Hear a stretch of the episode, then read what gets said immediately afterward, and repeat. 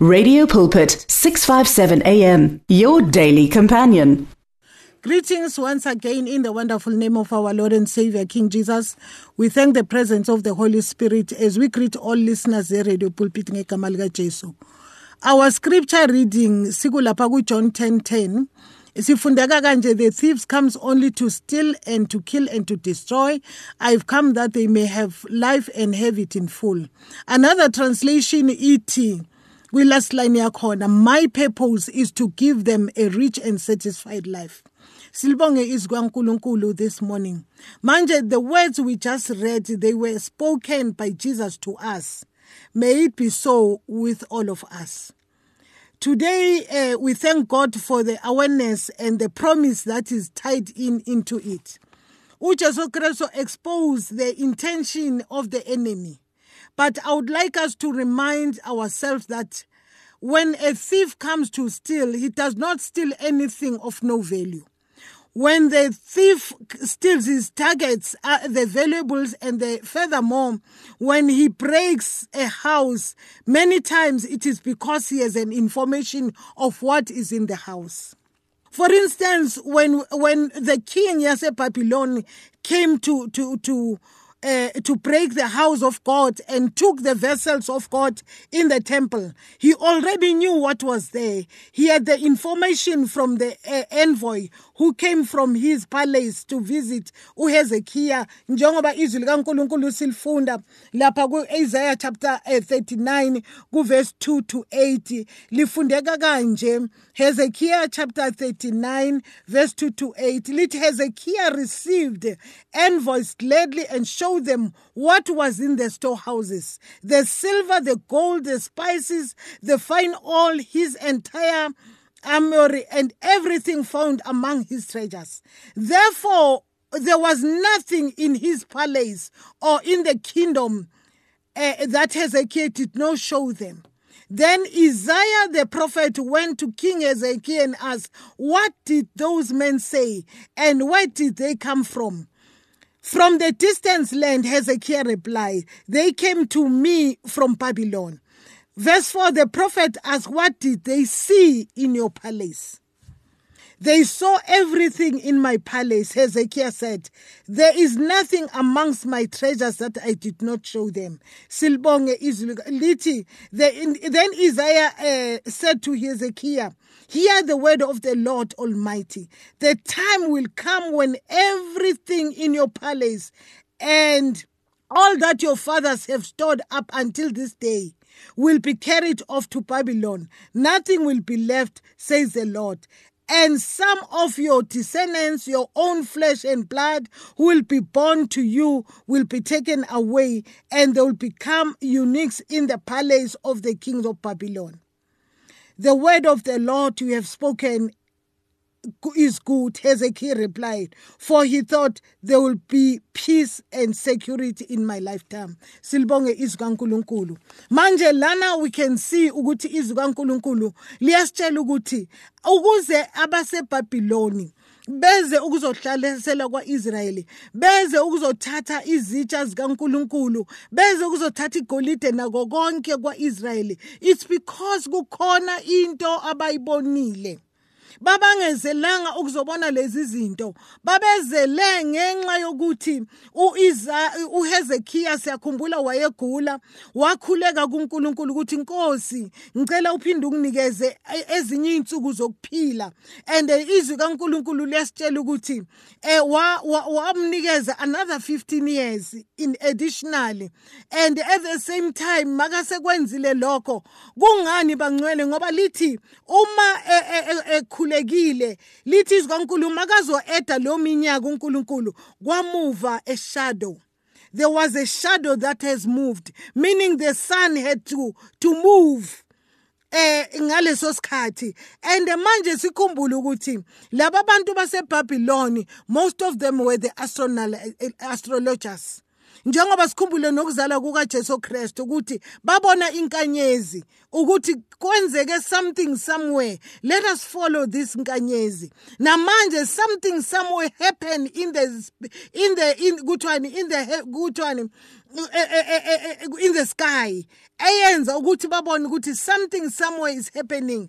And they had to come beze bezo bezelana bezohalalisela ngoba something has moved in the in the sky ebenze njengalabo ababeze kuJesu Kristo and they came lapho. Babezele ukuzobongela ukuphila kukaHezekiah and manje into eHezekiah ayenza iblanda yokuthi ababonise ukuthi unani in the treasures kaNkuluNkulu. Mabebuyele emuva they knew exactly Manje, we may have read this verse of scripture, but I would like us to, rem- to, to remember. This today, according to Hebrews chapter 3, verse 6, the Bible tells us that we are the house of God. Siyindlu kaNkulunkulu thina. If we are the house of God, the enemy is able to come and steal from us. Njengoba nezwi kaNkuluNkulu likhuluma ku1 Corinthians chapter 6 kuverse uh, uh, 19 wakhona ukuthi iBhayibheli liyasitshela ukuthi we are the temple of the Holy Spirit. And manje as we are the house of God according to the book of Hebrews as we are the temple of the Holy Spirit according uh, to the book of uh, Corinthians the enemy uyayazi into esinayo esiphethe izwi likaNkuluNkulu sistore something inside us. Inside us there is Jesus Christ okhona ngaphakathi kwethu. Inside us there is the Holy Spirit ngaphakathi kwethu. And manje he can still do the same. He wants to break in. Ayikhiphe lento esinayo ngaphakathi kwethu. Njengoba wenza nani naku naku nakoHezekiah ukuthi ahambe abone into abanazo ahamba yozibreaker ngani? Ngoba izwi kaNkuluNkulu ku2 Timothy 2 verse 2 liyasitshela bangcwele ukuthi eh we are the vessels in the house of God. Manje sizitsha thina zikaNkuluNkulu elithi izikaNkuluNkulu again noma ngabe siyithempele noma ngabe siyindlu but still sizitsha zikaNkuluNkulu elithi izikaNkuluNkulu endlini kaNkuluNkulu kunezitsha zegolide kunezitsha zesilvere kunezitsha zobumba. And when the enemy ezobreaker i don't think uzogijimela izitsha zobumba. Uzobreaker agijimele izitsha zesilvere agijimele izitsha zegolide. That is why sometimes when the enemy ehlasele umntana kaNkuluNkulu akahlaseli noma ngomuphi ukuthi akwazi ukuthi amhlasele ukuthi abe expose emhlabeni wonke bambone ukuthi bheka ngenzeni. Manje one of the major things that the enemy comes to steal in our life is to steal the word of God. Uyeza azolitshontsha izwi. Ngani ngoba uJesu Kristo made the parable of the sower in Mark chapter 4 and go verse 13 Jesus told us that some people as soon as they they hear the word is sown in them satan comes and take away the word that was sown in them. Angithi umark chapter 4 verse 13 uyasitshela. Ukuthi uyazi ezotshantsha izwi. Uyazi ukuthi izwi lingujesu ngokwakhe. Ngani ngoba bathi izwi laba umuntu laphila phakathi kwethu. Izwi unkulunkulu wadala ngezwi. Unkulunkulu wakhuluma izwi kwenzakala and unkulunkulu ufuna sikhulume izwi izinto zenzakale. Manje usathane into ayifunayo yizwi izwi elingaphakathi kwethu. Usathana umuntu ongenazwi akanandaba nayo ufuna umuntu onezwi. Ngani ngoba uyazi ukuthi izwi it's a treasure. Manje let me say this morning satan does not take away the word but he is able ukuthi alishintshe izwi likaNkuluNkulu make engakwazi ukulithatha izwi uyalishintsha uyaliphevetha ngoba he's a perverter. Enze sometimes ukuthi singali-interpret ngendlela eright sil-interprete ngendlela ezosutha our desires ezokwenza ukuthi ngilithathe izwi kaNkuluNkulu ngenzele ukuthi lisuthe izinto zenyama yami. Njengoba umpostoli uPauli describe them as the people who have uthi lapha ku 2 Timothy chapter uh, 2 I mean chapter 3 umpostoli uPaul uthi baba abantu bakhona abanye baba nesimo they have the form of godliness but denying its power. Bayamkhonza uNkulunkulu but they deny its power. You know I, I was so amazed uh, ngomunye umuntu ethi uya enkonzweni. But a statement asikhulumile mangikhotha izwi kuye. Wathi hayi yazini? Nalabantu abakhuluma ifuna ukuthi embrace into yabantu abalele. Wathi nalabantu esikhuluma ngabezwini bafa. Manje nathi sikhuluma ngalabo abafile ba that is why manje uma ngabe u-embrace si-embrace sikhulu as-embrace abantu si-embrace izwi ngoba unkulunkulu wabasebenzisa labo bantu. Manje sometimes sifuna uku-embrace abantu abalele. Sithi nalabo esikhuluma ngabo balele asikhulumi ngabo sikhuluma ngezwi unkulunkulu wabasebenzisa ukuthi babhale manje kuvesi 7 wakhona of the same, same chapter uthi umpostoli uPaul others are always learning but never able to come to to acknowledge the the truth. Baningi abantu abalifundayo but they never come to acknowledge the truth. Bayakwazi ukuthi sebelifundile izwi. Bafuna ukuthi no manje balifakele izinto ezizokwenza ukuthi kusutheke inyama kusutheke injongo zabo. Manje ekseni kwanamhlanje njengoba usathane wakwazi ukutshontsha the treasures in the house of god even today he can steal something ey'nhliziyweni zethu. Mawuvelela yinto alitshontshe leli lizwi ukuthi manje alibeke ngale ndlela ezosutha wena ukuthi manje isimo sakho sinje. Athi uyabheka isimo sakho sinje. Yes izwi lisho njalo but khumbula ukuthi yini? Nawe unyama ufuna kweze kwenyama. Manje izinto ekufanele ukuthi manje uJesu Kristo uma isitshela athi the the devil has come to steal to kill and to destroy. Usathana akatshontshi noma yini. Siyazi ukuthi nabantu abagqekezayo abagqekezi noma kukuphi. Mabatshontsha batshontshe noma kukuphi. Kukhona izinto abazithakethayo. And no, sithe usathane akalitshontshe kuphela izwi. But he is able even to quote the word. And at the same time when he quote the word he is able to ukuthi siskipe ezinye indawo ezwini ukuze manje sikwazi. Njengoba wakwenza nakuJesu nakuJesu Kristo eh lapha yana uma sifunda uMatthew chapter 4 ukuthi uje uma kayifunda waquota uPsalm 91 but waskipa izwi elithi to guide you in all your ways. Waliskipa lelo lizwi. Wathi uJesu wathi uSathane kuJesu he will send his angels concerning you. Makaqeda wadlula kuyo. Waskipa the the important words ezithi to guide you in all your ways. Akaliphathanga lelo. Manje if we don't read the word of God uma ngabe uSathane ezotshontsha he is able ukuthi askiphe izinto ezimportant We have seen abantu usathane acontradicta izwi likaNkuluNkulu missing some keywords ezwini likaNkuluNkulu. Example they will say seek the kingdom of God and all these other things will be added unto you. Manje what what uh, uh, usathana yenzayo is for us ukuthi simise the most important thing. Ngoba umuntu makaliquote athi izwi kaNkuluNkulu lithi seek the kingdom of God and all these things will, shall be added unto you. And yet, the word of God, it is seek the kingdom of God and its righteousness. What is important is the righteousness.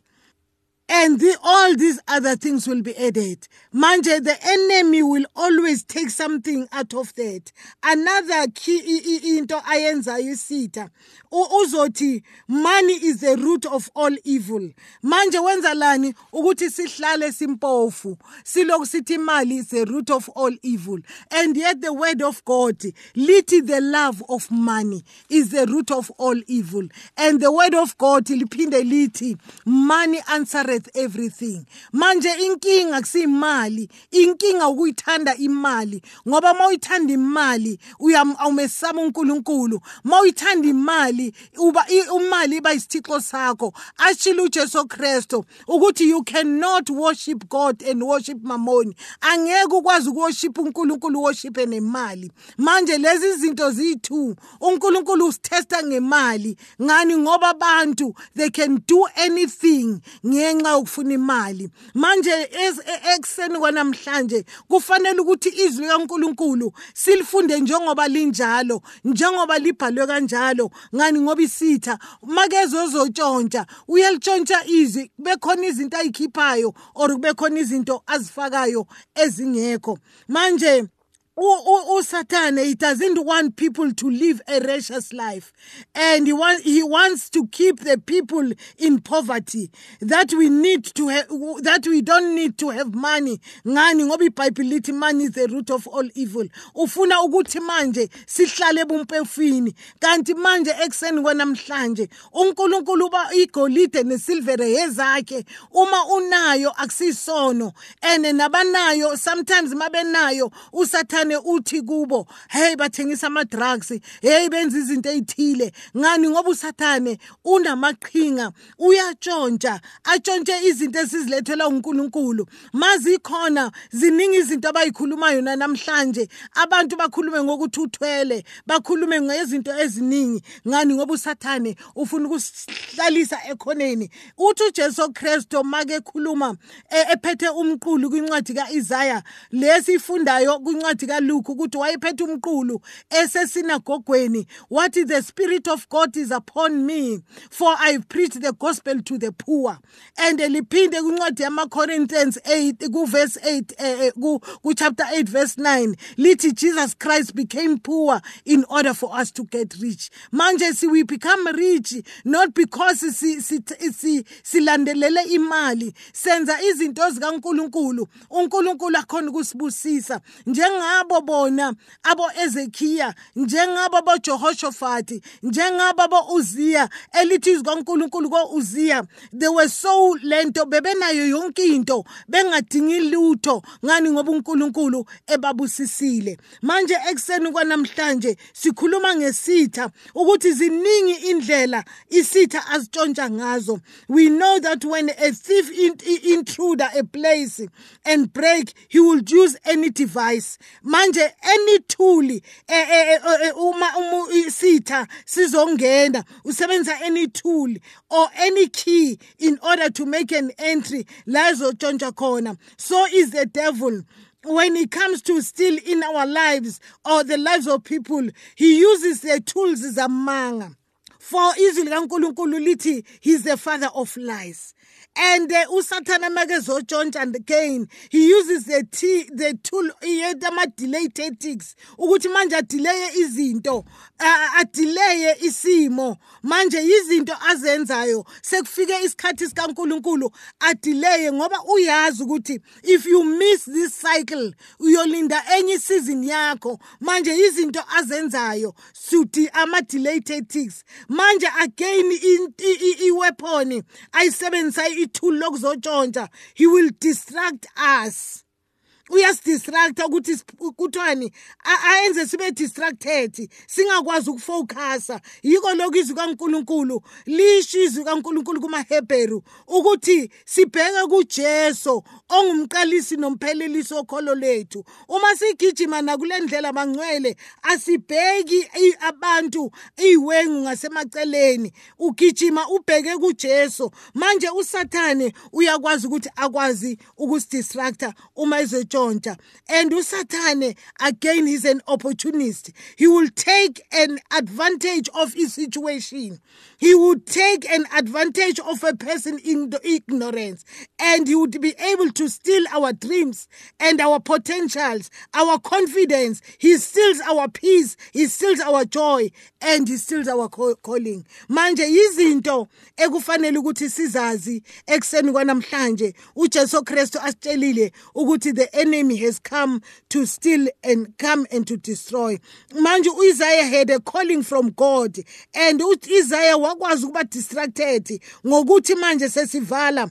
Siyakhumbula ukuthi waba distracted ene calling kaNkuluNkulu ukuthi afocus kuUzia ngani uZia was a powerful and prosperous king in those days. Walibala ukufocusa kuye and ene calling kaNkuluNkulu. Manje sibona izwi kaNkuluNkulu ngempela lithi fix let us fix our eyes on Jesus, the author and the finisher of our faith. May God richly bless us this morning. He has come to steal, kill and to destroy, but Jesus Christ has come to give us life, life in his fullness in Jesus name. Amen.